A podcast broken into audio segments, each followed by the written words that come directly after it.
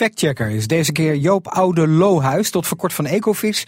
En nu programmadirecteur Energie bij de gemeente Utrecht. Eerst maar even de bedrijven waar het over gaat. Die komen allemaal uit de zogenaamde energie-intensieve industrie. Er zijn ongeveer 111 bedrijven die allemaal samen ook eh, in een component zitten. En die onder het emissiehandelssysteem vallen in Europa. Dus het is wel een exclusief groepje. En dat exclusieve groepje sprak af in het energieakkoord dat ze concrete afspraken zouden maken afspraken die met de overheid zijn gemaakt over energiebesparing. En het waren groepsgewijze afspraken. Die zouden worden omgezet in, in heel specifieke één-op-één afspraken. om per bedrijf te gaan kijken wat er kan, uh, wat een redelijk terugverdiendheid heeft en welke maatregel uh, verwacht mag worden. En daar dan ook afspraken over maken. Ja, maar dat is dus niet gebeurd. Nee, dat is niet gebeurd. Mag gewoon, en de registratie hè, dus van, de, van de, het energieverbruik zelf laat ook zien dat het tempo eerder omlaag gaat dan omhoog.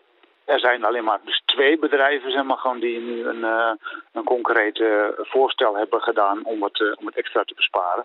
En dat is ook nog maar weer een plan. Nou, je zou er bijna cynisch van worden. Ik ben hier wel, wel heel wel cynisch over. Ja, de stelling klopt dus. Van de 111 bedrijven die maatregelen moesten nemen voor het energieakkoord... hebben er maar twee dat ook daadwerkelijk gedaan. Wel met een hele kleine kanttekening. Is niet zo dat er niks gebeurt. Maar het is zo dat er dus maar, misschien maar een paar bedrijven zijn die daadwerkelijk eh, extra maatregelen treffen op basis van de afspraken. Wat niet is, kan nog komen, maar voorlopig beoordelen we de stelling als. Helemaal waar.